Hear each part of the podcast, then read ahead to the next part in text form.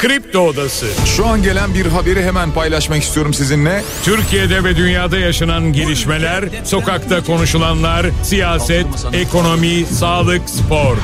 Son dakika haberleri, konuklar ve uzman görüşleri.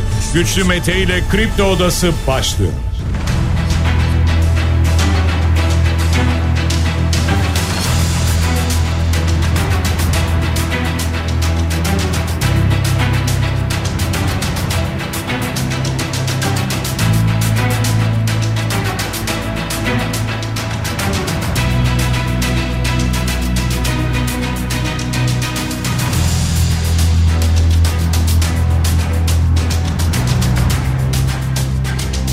11 Ocak Perşembe sabahından Kafa Radyo'dan Kripto Odası'ndan tüm Türkiye'ye yurt dışında bizi dinleyen dinleyicilerimize günaydın. Hepinize sağlıklı ve güzel bir gün dileyerek her sabah olduğu gibi programımıza başlıyoruz. Bugün de Kripto Odası'nda saat 10'a dek sizlerle birlikte olacağız. Gündemdeki başlıkları değerlendireceğiz sevgili dinleyiciler. Sizler de görüşlerinizle fikirlerinizle programa katılmak isterseniz Twitter üzerinden güçlü mete yazarak bana ulaşabilirsiniz. WhatsApp hattımızın numarası 0532 172 50 52 32 buradan da mesajlarınızı bana iletebilirsiniz. Hemen biz gündemdeki başlıklarla başlayalım. Cumhurbaşkanı Erdoğan'ın yapmış olduğu açıklamalar var sevgili dinleyiciler. Bu açıklamalara birazdan yer vereceğiz. Sandığa gölge düşürülmesine izin vermeyeceğiz mesajı ön plana çıktı bu açıklamalar arasında. İbrahim Kalın konuştuğu yapay zeka çağımızın dijital atom bombasıdır dedi. Dün MIT'te gerçekleştirilen bir tören etkinlik vardı. Oradan gelen mesajlar var. Bunlara yer vereceğiz. Yabancılar Türkiye'den 28 milyon metrekare arsa, arazi, tarla satın almışlar. Bakandan geldi bu açıklama. CHP ve MHP yeni adaylarını açıkladı. Program içerisinde yer vereceğiz. Bu arada Erdal Beşikçioğlu ismi üzerine çokça konuşuldu dünden bugüne. Mansur Yavaş itiraz ediyor denildi. Özgür Özel Erdal Beşikçioğlu ile ilgili Mansur Yavaş tarafında bir sıkıntı olacağını düşünmüyoruz diye bir açıklama yaptı. Hepsine yer vereceğiz önümüzdeki dakikalarda. Türk Tabipler Birliği nezle değil grip solunum yolu enfeksiyonu değil covid var dedi. Türk Tabipler Birliği'nden böyle bir açıklama geldi. Son dönemde çünkü bakan nezle var, solunum yolu enfeksiyonu var diyordu. Kaldı ki zaten aile sağlığı hekimlerinden de gelen açıklamalar var. Onlar da diyorlar ki şu anda bize başvuranların büyük bölümü Covid. Can Atalay'dan cezaevinden bir mesaj var. Artık benim için Türkiye Büyük Millet Meclisi burasıdır. Bu cezaevidir, bu hücredir diyor Can Atalay. Yani biliyorsunuz Anayasa Mahkemesi'nin iki kez hak ihlali vekili seçilmiş olmasına rağmen cezaevinden çıkarılmadı. Interpol'ün aradığı 10 kişinin Türkiye'de yakalandığını duyurdu İçişleri Bakanı Ali Yerlikaya yapılan bir operasyonla bu 10 kişinin Türkiye'de yakalandığını tek tek isimleriyle beraber duyurdu. Kasım 2023'te işsiz sayısı 115 bin kişi artmış 3 milyon 116 bin olmuş. Aslına bakarsanız muhtemelen daha fazla ama gelen verilerle beraber yine bu verilere rağmen 115 bin kişi arttığını anlıyoruz işsiz sayısının. 700 bin kamu işçisi ek zam istiyor. Aynı zamanda biliyorsunuz emekli maaşlarında da bir düzenleme bekleniyor. Buna ilişkin bir düzenleme çalışması yaptığını söylüyor AK Partili yetkililer oradan gelen mesajlar böyle. Datça açıklarında 4.3 büyüklüğünde bir deprem meydana geldi ki dün Hatay'da da bir deprem meydana gelmişti. Akşam saatlerinde Marmara'da da bir deprem meydana geldi. Bunlara önümüzdeki dakikalarda yer veririz. Anayasa Mahkemesi'nden internet yayınları düzenlemesine iptal kararı var. Evet. Anayasa Mahkemesi bir düzenleme ile ilgili iptal kararı verdi. Bu ne manaya geliyor? Buna bakarız ama aynı zamanda acaba Anayasa Mahkemesi'nin aldığı bu karar Türkiye'de uygulanır mı ona da bakarız. Çünkü uygulanmadığını gördük bazı kararlarının. Antalya'da doğa yürüyüşüne çıkan bir kadın Rus turist aranıyor. Çünkü yaklaşık 7 gün önce bu seyahate bu yürüyüşe daha doğrusu çıktığı ifade ediliyor. Kendisinden bir haftadır haber alınamadığı bilgisi gelince arama çalışmaları başlatılmış. Şimdi Amerika'dan gelecek olan bir karar vardı ve bu karar da aynı zamanda merakla bekleniyordu. Bitcoin ile ilgili gelecek olan karar bekleniyordu. Hatta hatırlarsanız bir gün öncesinde konuşmuştuk. Bu Amerika'nın Menkul Kıymetler ve Borsa Komisyonu'nun internet sitesi hacklenmiş. Burada bir olumlu karar yayınlanmıştı. Kaldı ki yine bu karar olumlu geldi. Öyle söyleyelim. Yani nedir? Spot Bitcoin borsa yatırım fonlarına onay verdi. Yani yakından takip edenler için söylüyoruz bunu. Yani ETF'ye onay vermiş olduğu Amerika'da Menkul Kıymetler ve Borsa Komisyonu. Ee, bununla beraber tabii bir hareketlilik yine oldu Bitcoin'de. Ve sevgili dinleyiciler bu akşam Fenerbahçe Bayern Münih maçı var. Saat 20.45'te oynanacak bu karşılaşma Euroleague'de. Aynı zamanda Süper Lig'de de iki maç var. Sivas Spor Galatasaray saat 17'de. Trabzonspor Samsun Spor saat 20'de başlayacak. Ee, bu arada dün Fenerbahçe farklı galip geldi biliyorsunuz. Konya Spor'u 7-1 mağlup etti Fenerbahçe. Hemen bir de finans tablomuza bakalım. Her programın başında olduğu gibi. Dolar şu anda liste fiyatı olarak 29.97 euro 33 lira 3 kuruş görünüyor. Gram altında 1960 lira karşılığını görüyoruz. Tabii ki banka fiyatları çok daha yukarıda. Yani mesela bankada dolar 30 lira 60 kuruş, euro 33 lira 59 kuruş. Altının gramı 1997 lira bankada neredeyse 2000 lira. Yani şu an liste fiyatı olarak böyle televizyonlarda da görürsünüz. 3351 lira görünüyor çeyrek altın ama serbest piyasada 3400 liranın altında e, çeyrek altın bulabilmek çok zor. E, Bitcoin 46 bin dolar seviyesine çıkmıştı. Şimdi 45 bin 913 dolar seviyesinde işlem görüyor. Borsa İstanbul'sa aşağı yukarı yüzde ikilik bir artış gösterdi BIST endeksi 7874 puanla dünü kapattı. O 8000 puanı yeniden zorlayacak mı yoksa aşağıya doğru bir eğilim içerisinde gidecek mi? Bir yandan bu tahminler bu yorumlar yapılıyor. Kısaca başlıklar böyle. Ama daha o kadar çok haber var ki program içerisinde paylaşacağımız gündem bir hayli yoğun. Dün Cumhurbaşkanı Erdoğan'ın konuşması vardı e, MIT'te bir tören bir toplantı gerçekleşti sevgili dinleyiciler. MIT'in 97. kuruluş yıl dönümü için düzenlenen bir etkinlik vardı orada konuştu. Mossad'a yönelik yapılan operasyondan bahsetti. Türkiye'deki operasyondan bahsetti. Ülkemizdeki casusluk şebekesini ortaya çıkaran teşkilatımız bizi tehdit edenlere cevabımızı çok net şekilde vermiştir dedi. Hatta ve hatta ben bir ara konuşmasını dinledim. Ee, orada İsrail istihbaratının bu operasyon karşısında şaşkın olduğunu ifade etti. Bundan bahsetti. Ee, aynı zamanda tabii burada e, doğal olarak e, İbrahim Kalın'ın da bir konuşması vardı. Cumhurbaşkanı Erdoğan'dan hemen önce konuştu. Ve devlete ve millete yapılan hiçbir ihanet cezasız kalmayacaktır diye bir açıklaması oldu. Bu arada e, önemli bir mesaj vardı ki o da şu yapay zeka ile ilgili uyarısı oldu İbrahim Kalın'ın. Büyük tehditleri de beraberinde getiren yapay zeka çağımızın dijital atom bombasıdır dedi. E, aslına bakarsanız şimdi yapay zekanın e, nereye geldiğini e, dün bir kez daha anladık. Bir şekilde yani yapay zeka kullanılarak e, Zeki Müren'e Parla Marşı şarkısı Norm Ender'den dinlediğimiz o şarkı yeniden okutuldu biliyorsunuz yapay zekayla. Yani e, yapay zekaya muhtemelen Zeki Müren sesi tanıtıldı. E, ardından muhtemelen bir kişi bunu seslendirdi ve o ses Zeki Müren'in sesine çevrildi. Yani böyle bir uygulama yapıldı. E, ileride neler olabileceğini gerçekten düşündürtüyor insana. Yani e, şu anda Zeki Müren'e yapay zeka ile bir şarkı üstelik onun nameleriyle tonlarıyla okutulabiliyorsa e, çeşitli görüntüler var. Yani sadece bu değil. Yani bizim hayatımıza birden parla böyle girince daha bir aydınlandık belki ama yani videolar hazırlanıyor zaten. Yani sizin kendi videonuzu kendiniz hazırlayabiliyorsunuz. Yabancı dilde Türkçe konuşuyorsunuz. Yabancı dilde konuşma olarak isterseniz İngilizce, isterseniz Fransızca, isterseniz İtalyanca kendinizi izliyorsunuz videoda konuşurken kendi ses tonunuzla.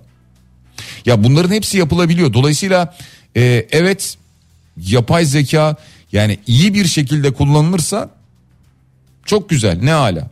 Ama elbet yapay zekayı farklı yönlerde kullanacak olanlar olacaktır. Yani ülkeleri birbirine düşürebilir. Öyle düşünün. Yani birilerinin söylemediği şeyler söylemiş gibi verilebilir. Görüntüler, videolar, ses kayıtları bunları bir düşünmek lazım.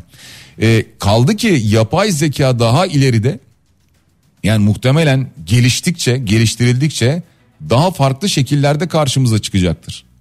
Yani burada e, yine kısmen e, basit bir yöntemle ama iyi bir şekilde hazırlanmış bir şarkı dinledik Zeki Müren'den. Ama ileride çok daha farklı şeyler de çıkartabilir. Yani e, mesela yapay zeka şu anda e, doğaçlama olarak sizinle konuşabiliyor. Ya bir şeyler sorduğunuzda cevap alabiliyorsunuz. Ha bazı tahminleri yapmıyor. Yani tahmin soruyorsunuz mesela işte bir seçimle ilgili veya e, bir maçla ilgili ya bunların hepsi yapılıyor.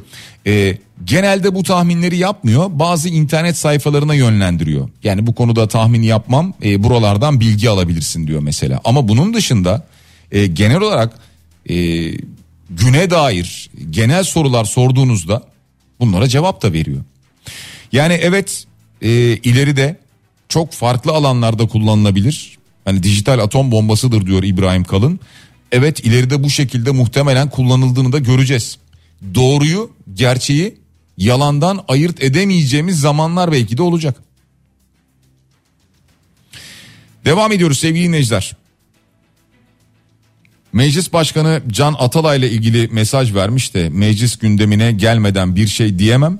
Bu meselenin suhuletle çözülmesi en doğru yol demiş. Evet yani ama çözülemedi. Yani yargı yoluyla çözülemedi. Anayasa Mahkemesi'nin aldığı karara iki kez aldığı hak ihlali kararına rağmen çözülemedi. Ve meclis başkanı meclis gündemine gelmeden bir şey diyemem mi diyor. Milletvekili seçilmiş olan birisiyle ilgili Tamam cezaevinde olduğu için yemin edip görevine başlayamadı milletvekili olamadı resmen belki ama ya bir şey diyemem demiş. Suhuletle çözülmesi en doğru yol diyor. Ee, işte suhuletle de çözülemedi bir türlü olmadı. Devam ediyoruz sevgili dinleyiciler. Şimdi e, bakanlardan bakanlıklardan gelen bazı açıklamalar var. Mesela e, merak ettiğimiz konulardan bir tanesidir herhalde. E, yabancılara satılan taşınmaz miktar. Arsa, arazi, tarla, bahçe ne kadar satılmıştır diye merak ediliyordu. Ee, buna cevaben Mehmet Özhaseki bir açıklama yapıyor. Diyor ki 14 Kasım 2023 itibariyle 28 milyon 318 bin 836 metrekare yüz ölçümü kadar arsa, arazi, tarla, bahçe nitelikli 17.076 adet ana taşınmaz satıldı diyor. Yani toplamda 28 milyon metrekarelik arsa, arazi, tarla, bahçe satılmış yabancılara.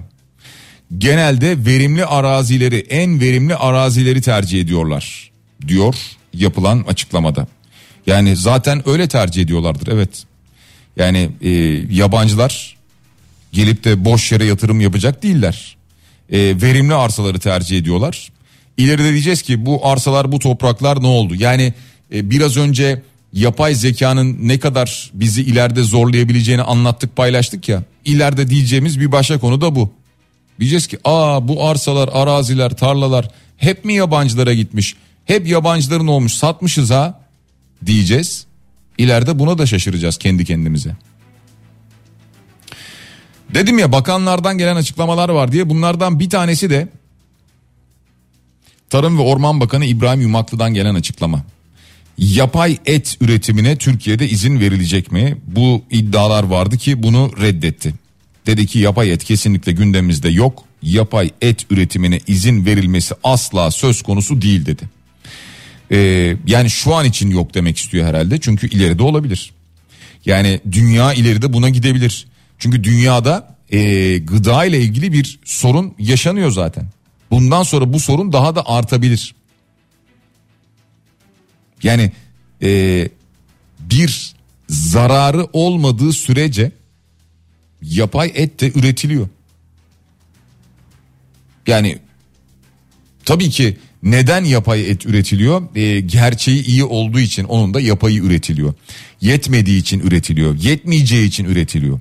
Yani şu anda evet demiş ki bakan e, şu anda böyle bir şeye izin vermeyeceğiz. Yani ben de diyorum ki şu andadır o. Yani ileride e, hayat çok değişebilir.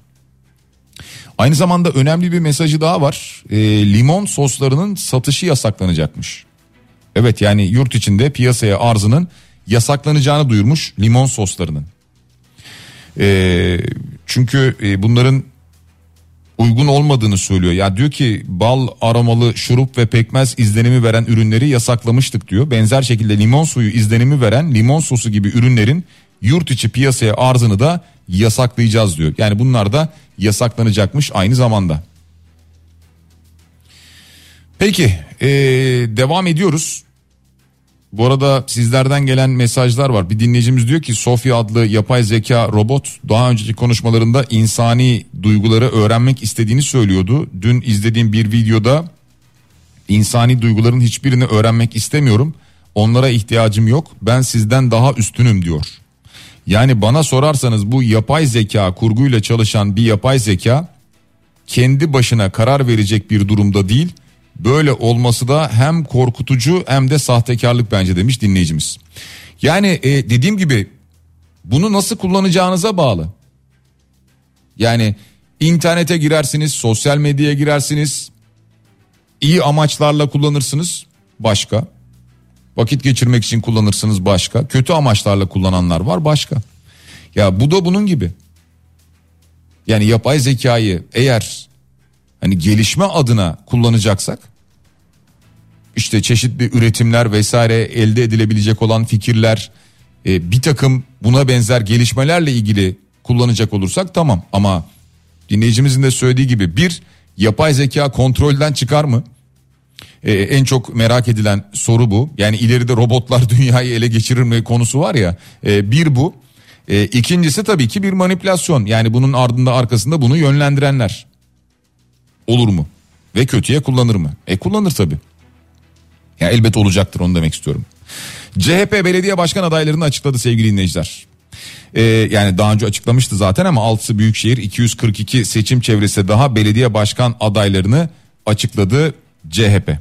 Şimdi e, burada aslında yani birçok aday konuşulabilir ama e, hadi hatta birkaç tanesinden bahsedelim istiyorsanız. Mesela Adana Büyükşehir Belediye Başkan adayı Zeydan Karalar.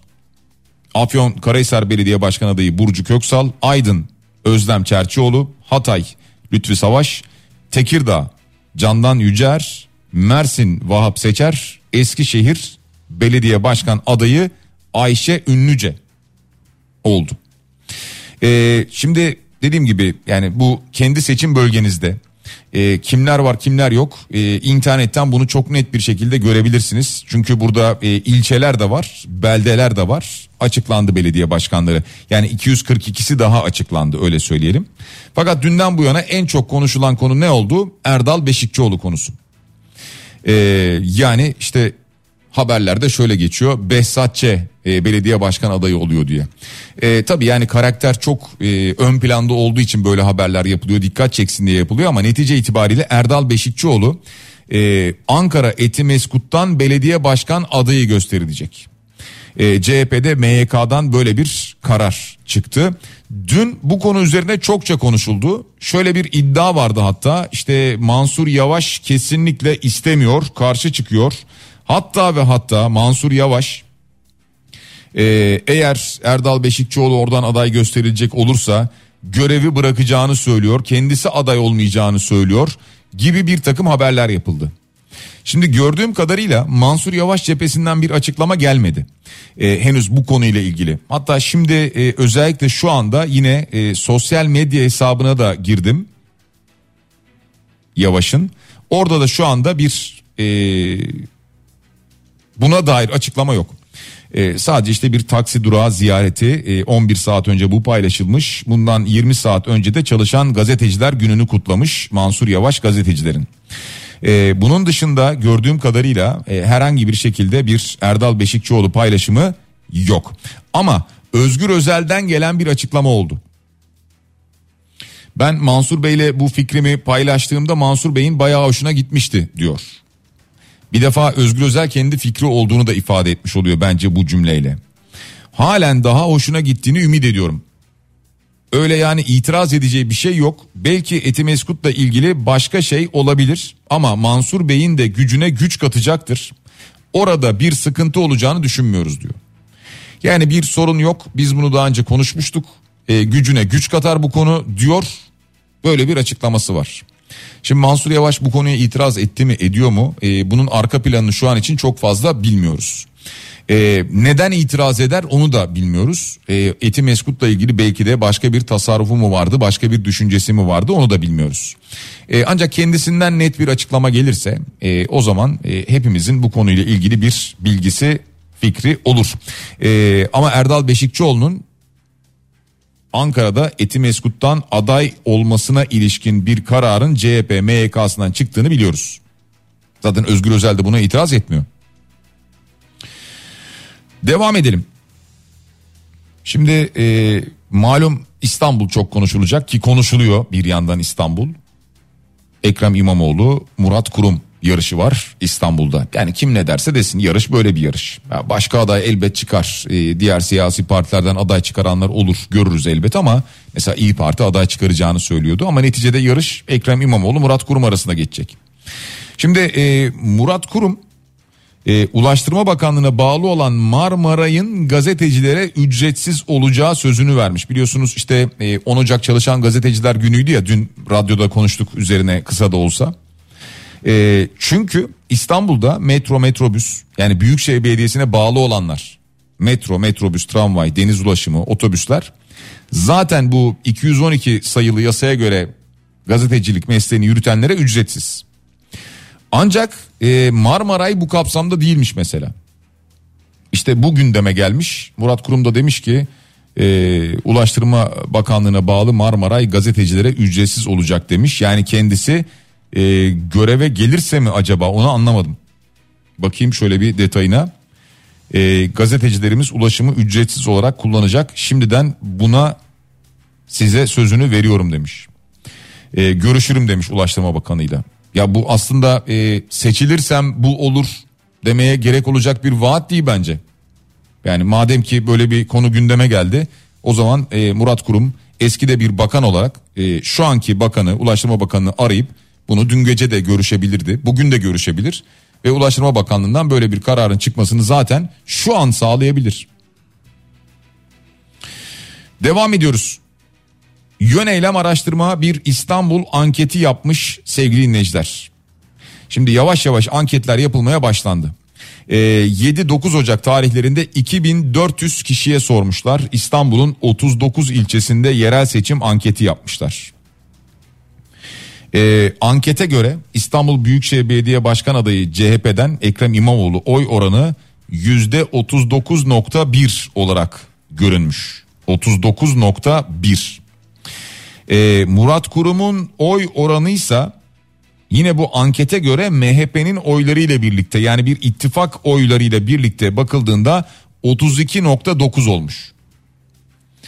Ee, şimdi Rakamlar kafa karıştırmasın diye bir daha söylüyorum. Ee, hadi virgülden sonrasını söylemeyelim. İmamoğlu 39, kurum 32 görünüyor.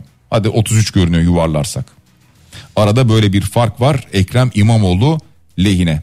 Ee, ama tabii e, 2019'da İmamoğlu %48.77 oy almıştı. Yani şu an o oy oranından uzak görünüyor. Ee, bir ittifak yok diye mi yoksa ankette mi böyle çıktı onu bilemiyoruz.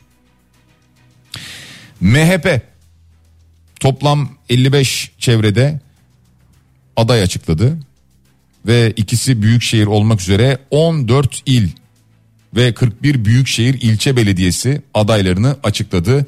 MHP'den de böyle bir adım geldi sevgili dinleyiciler.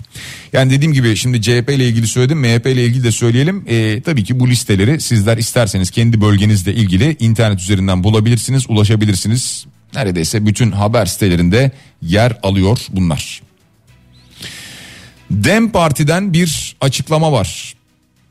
AK Parti'nin farklı kentlerden Akdeniz ilçesine seçmen kaydırdığını söylüyor ve 55 hanede 1616 seçmen tespit ettik diyor. Mersin'de Akdeniz ilçesinde. Ee, ve yani buna bakıldığında e, son 4 ay içerisinde yaklaşık seçmen sayısı 3200 artmış görünüyormuş. Yani Akdeniz ilçesine seçmen kaydırıyor diyor özellikle e, AK Parti için Dem Parti'den böyle bir iddia var. Tabi herhalde bununla ilgili e, bir itiraz da olacaktır. Yasal bir itiraz yolu da olacaktır diye tahmin ediyorum. İşlemlerde nüfus müdürlüğünde yapılmış zaten. Devlet Bahçeli'den bir açıklama var. Fatih Camii imamına yönelik e, bu bıçaklı saldırıya ilişkin alçak saldırganın en ağır şekilde cezalandırılmasının yanı sıra karanlık bağlantılarının aydınlatılacağına, provokasyon iklimi oluşturmanın arayışında olan mihraklara asla fırsat verilmeyeceğine yürekten inanıyorum diyor. Yani dün de söyledim aslında e, e, tabii ki yani e, en ağır ceza neyse alabileceği alsın. Yani bunu aslında söylemeye bile gerek yok. Yani yargı burada e, neyse bu konuda verilebilecek ceza o cezayı verecek. Ama e, hani konuşuyoruz ya zaman zaman işte yargı baskı altında yargıya insanlar güvenemiyor gibi birçok başlık var ya ki o yargı kendini baskı altında hissediyor zaten çalışanlar yargı personeli öyle değil mi? Yani e, e, savcı olduğunuzu düşünün hakim olduğunuzu düşünün yani üzerinizde bir baskı var zaten. İşte en ağır ceza verilsin falan diyor mesela şimdi Bahçeli. Yani verilsin zaten yani yargıda neyse bunun ucu o ceza verilecektir diye tahmin ediyorum. Ama bu olay e, baya yani e, kriminal bir olay gibi görünüyor. Böyle işte e, bir yerlerden mihraklar, provokasyon iklimi, e, işte karanlık bağlantılar falan filan böyle bir şey olduğunu ben sanmıyorum. Yani bu belli ki tuhaf rahatsız olan bir tip. E, daha önce e, eşine de şiddet uygulamış. E, psikolojik sorunları var belli ki. E, camiye girip e, işte Allah'a Ekber diye bağırıyor. E, Müslümanlar uyanın diyor. Kahrolsun İsrail diyor. E, sonrasını hatırlamıyorum diyor mesela. Yani artık burada bir e, akıl hastası numarası mı yapıyor? Psikolojik sorunları var gibi bir numara mı yapıyor? Bunlar elbet araştırılacaktır. Yani yargı muhakkak bunları araştıracaktır. Ama bu olayın ardında arkasında bir şey varmış gibi görünmüyor. Ee, elbet daha sonrası yani varsa bir şey ortaya çıkar. Türk Tabipler Birliği'nden bir açıklama var sevgili dinleyiciler. Türk Tabipler Birliği diyor ki nezle değil grip solunum yolu enfeksiyonu değil covid yaşıyoruz diyor. Bunlar var diyor. E, nitekim program başında da söyledim aile hekimlerinden gelen açıklamalar da var. Onlar da diyorlar ki bize başvurularda e, covid çok fazla geliyor. Yani nezle değil grip olarak geliyorlar bir de. Yani e, bakan biliyorsunuz açıklama yaparken nezle arttı solunum yolu enfeksiyonu arttı diyordu ya. E, neticede hekimler diyorlar ki biz sahadayız. Bize gelenler nezle değil grip olarak geliyor. Solunum yolu enfeksiyonu değil daha çok covid olarak geliyor. Yani e, o nedenle aslında uyarılarda bulunuyorlar. Yani yapılan şey bu. E, ve daha önce de söyledim belki belki en azından e, sağlık kuruluşlarında hastanelerde bu tip yerlerde maske takılması zorunlu hale getirilebilir. Çünkü sağlık çalışanları da bundan çok olumsuz etkileniyor şu anda. Ya belki en azından sağlık kuruluşlarında. Yani toplu taşımayı bilemiyorum. Bir sonraki aşama belki toplu taşıma olabilir ama e, en azından sağlık kuruluşlarında artık böyle bir maske zorunluluğu herhalde gerekecek gibi görünüyor. Kimi görseniz çevrenizde kimi görsek herkes ya grip ya atlatmış ya ailesinden birinde var. Bu şekilde anlatıyor. Devam ediyoruz. Bir dinleyicimiz diyor ki hiçbir ankete inanmıyorum genel seçimlerde gördük diyor. Böyle bir mesaj göndermiş. Olabilir yani e, yani inanmamakta da özgürsünüz zaten doğru.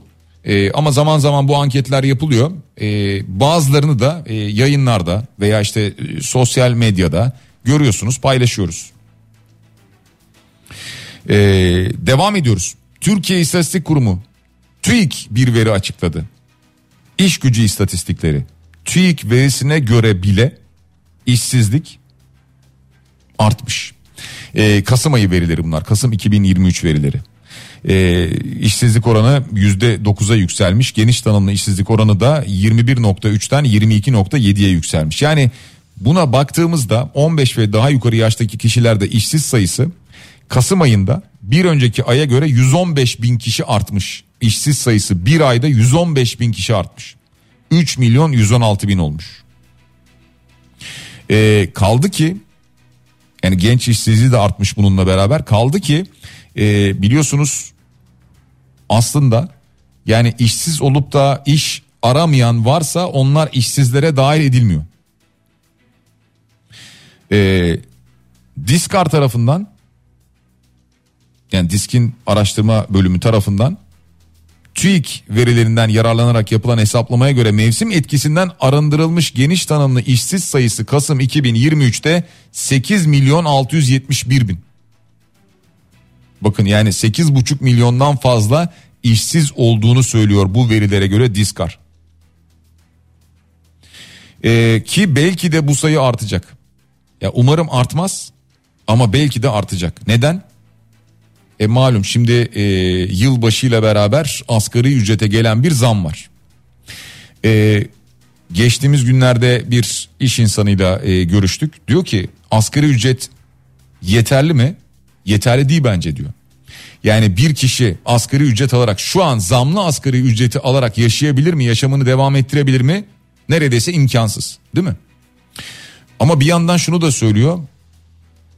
Ya diyor ki mesela düşünün ki bir işletmeniz var. 3000 kişi 5000 kişi çalıştırıyorsunuz. Ee, o işletme yani mesela 5000 kişi çalıştırıyor olsa kişi başı 1000 liralık bir artış yapıyor olsa 5 milyon lira yapar ayda.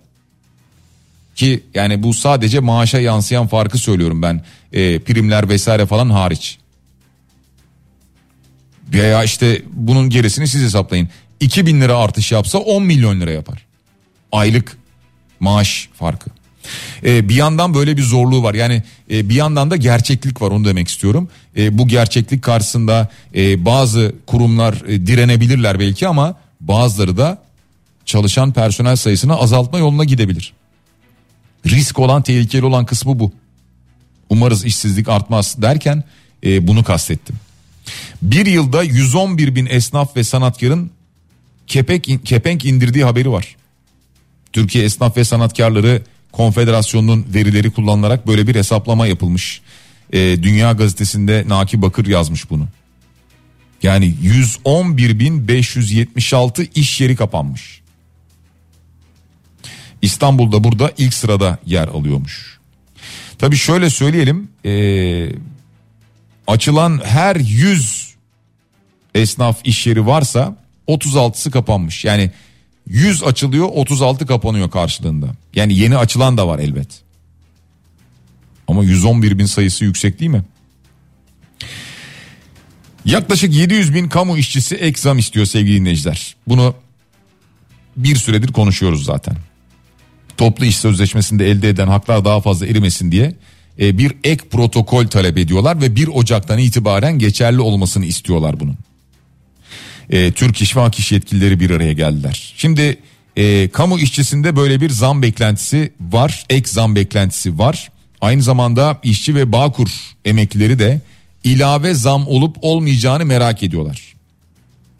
Yani e, emekli ile memur emeklisiyle aynı oranda bir zam almamız gerekir diyorlar ve dolayısıyla ek bir zam gelecek mi gelmeyecek mi diye bir merak söz konusu.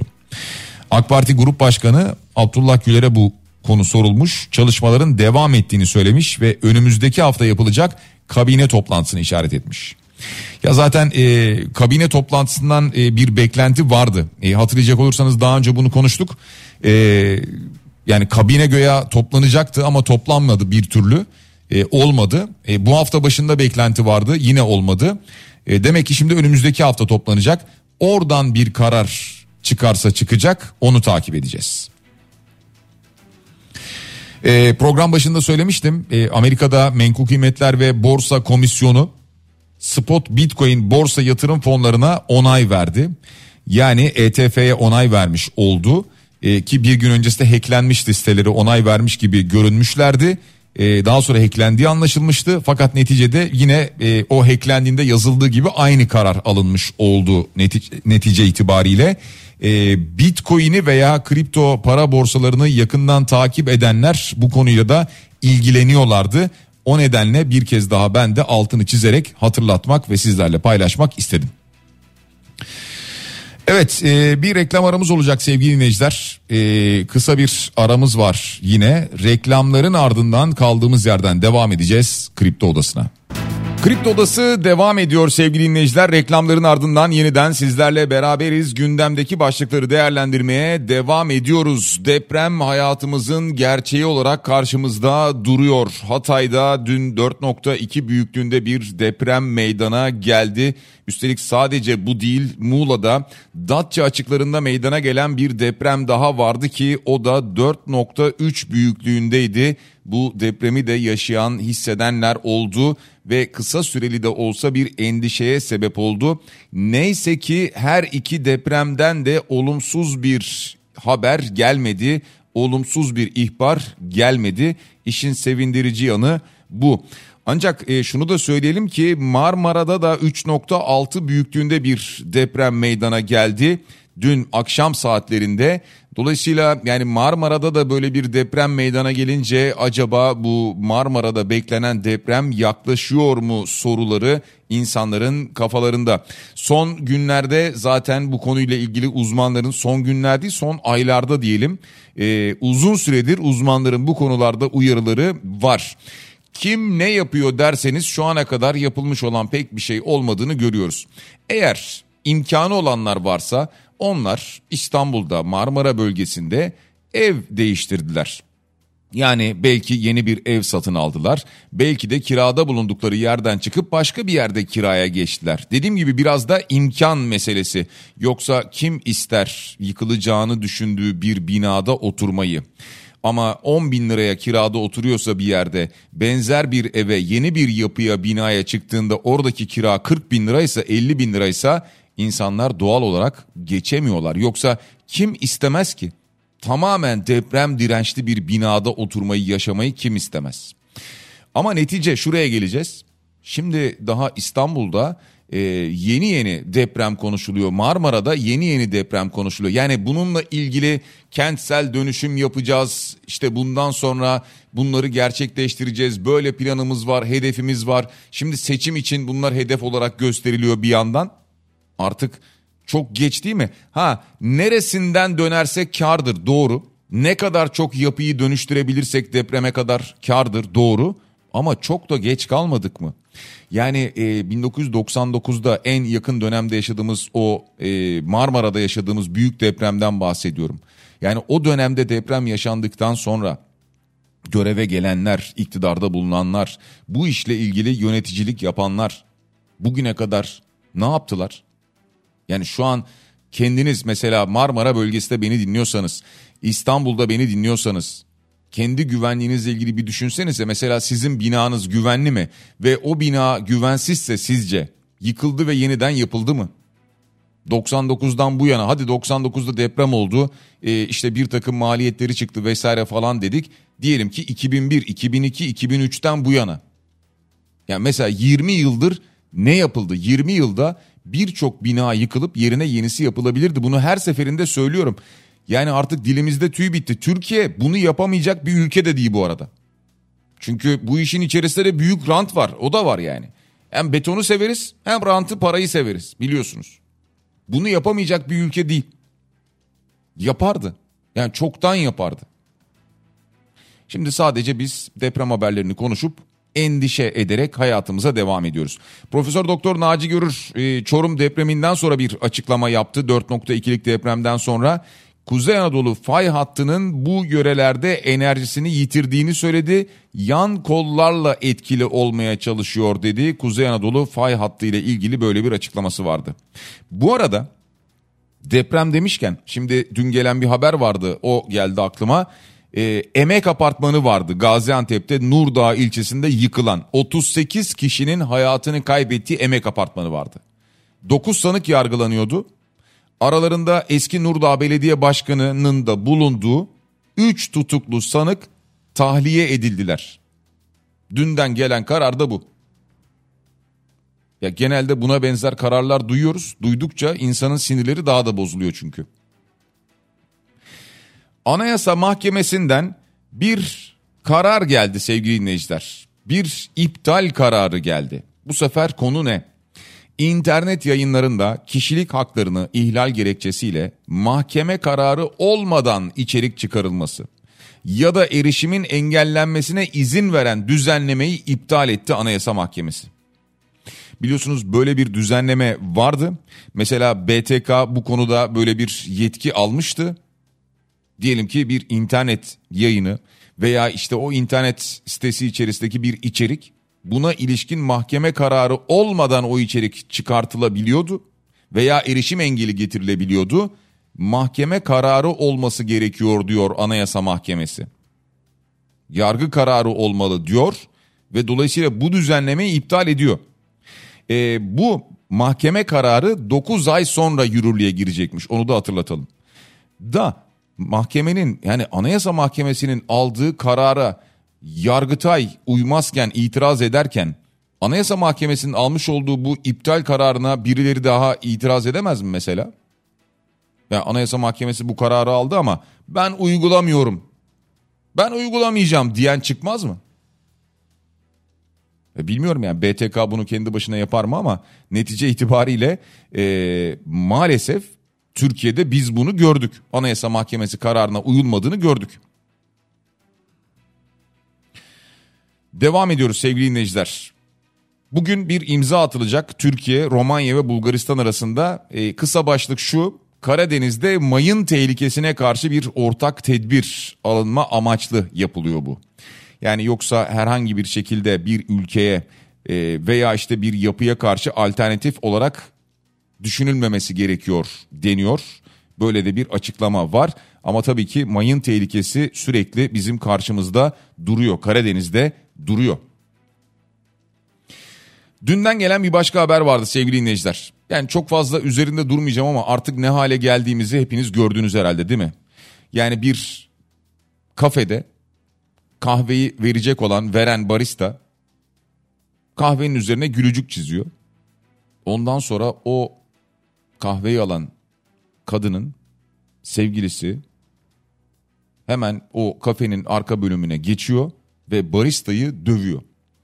Ee, gülücük var diye. Ve ayrıca yani öyle bir tip ki yani döverken birden üstünü falan da çıkartıyor. Yani kendi üstünü çıkartıp izlemişsinizdir artık. Öyle dövmeye devam ediyor. Ve artık e, insanların psikolojik sorunları mı var, sıkıntıları mı var bilmiyorum. Yani bunu e, bunun tahlilini yapacak olan ben değilim netice itibariyle. Elbet psikiyatristler var, psikologlar var, onların alanına, sosyologlar var. Onların alanına daha çok girer bu konu ama e, ne hale geldiğimizi gösteren acı örneklerden bir tanesidir bu da. Yazık. E, delirmiş gibi dövüyor bir anda. İnanılır gibi değil ama bir gerçek olarak karşımızda duruyor. Ee, inanılır gibi değil ama bir başka gerçek var sevgili dinleyiciler. Afyonkarahisar Sağlık Bilimleri Üniversitesi Rektörü Profesör Doktor Nurullah Okumuş. Ee, diş hekimliği fakültesini aslında övüyor. Ee, kalabalık bir kadroyla çalıştıklarını anlatıyor. Bunlardan bahsediyor. Ancak diyor ki artık randevu alınamıyor yine de diyor. Çok fazla başvuru var diyor yani bundan bahsediyor. Full kapasiteyi geçtik diyor. En çok şikayet aldığım yer olmaya başladı. Randevu alamıyoruz diye. Ben de alamıyorum. Torpil yaptırıyorum açıkça söyleyeyim diyor. Şimdi bir rektör e, torpil yaptırarak e, sıra aldığını söylüyor. Şimdi şunu söyleyelim yani e, birçok kişi yani bu kurumda mesela veya bir başka kurumda rektör falan olsa e, kendisine bağlı olan bir diş hekimliği fakültesinde kontrole gidecek olsa e, elbet öncesinde e, aranır o fakülte rektör bey geliyor denir veya rektör hanım bilmiyorum geliyor denir ve e, evet bir öncelik tanınır. Yani birçok kişi de bunu yaptırır muhtemelen. Ama yani şimdi rektörün çıkıp da bunu anlatıyor olması, bunu söylüyor olması ayıp. Çünkü insanlar randevu alamıyor diyor. Ben randevu alabilmek için torpil yaptırıyorum diyor. Bari bunu söyleme değil mi? Ya bunu söylediğin zaman şimdi e, her yerde olduğu gibi e, medyada da sosyal medyada da tepki çekersin. Nitekim bu tepkiyi şu anda görüyor. Ya bunu yapmış olabilirsin. Yaptığını söyleme bari yani. Antalya'da doğa yürüyüşünde kaybolan bir Rus turist var sevgili dinleyiciler. Ee, Nadeseda Yargina ismi. e, arama çalışması başlatılmış. 7 gün önce tek başına doğa yürüyüşüne çıkmış bir daha kendisinden haber alınamamış. E, ve bu Rus turistin arandığı yönünde e, bilgi geliyor. Yani çalışmalar var. Umarız sağ salim bir şekilde kendisine ulaşırlar. Bir de şu haberi verelim. E, sürücülerle ilgili daha doğrusu sürücülere şiddet gösteren bir tiple ilgili öyle söyleyelim. O da bir aracın camına vurarak falan tepki göstermişti. 10.831 lira para cezası kesilmiş. Gelen bilgiye göre de sürücü belgesi daimi olarak iptal edilmiş. Mesela bu örnek olsun. Emsal teşkil etsin bundan sonrası için. Bu tip şeyleri yapanların sürücü belgesi süresiz olarak iptal edilsin. Evet yavaş yavaş programın sonuna yaklaşıyoruz sevgili dinleyiciler. Ee, hemen hatırlatalım bugün iki karşılaşma var. Galatasaray deplasmanda Sivas Spor'la oynayacak ki 17'de başlıyor bu karşılaşma. Trabzonspor'da Samsun Spor'u ağırlayacak 20'de başlayacak karşılaşmayla. Ve Euroleague'de aynı zamanda Fenerbahçe bugün Bayern Münih'i ağırlayacak. Bu karşılaşmada saat 20.45'te başlayacak sevgili dinleyiciler. Teknik Masa'da Cenk'e teşekkür ediyoruz. Biraz sonra Bediye Ceylan Güzelce Güzel Şeyler programında sizlerle birlikte olacak. Yarın sabah aynı saat diliminde yeniden buluşana dek hepinize sağlıklı ve güzel bir gün diliyorum. Şimdilik hoşçakalın.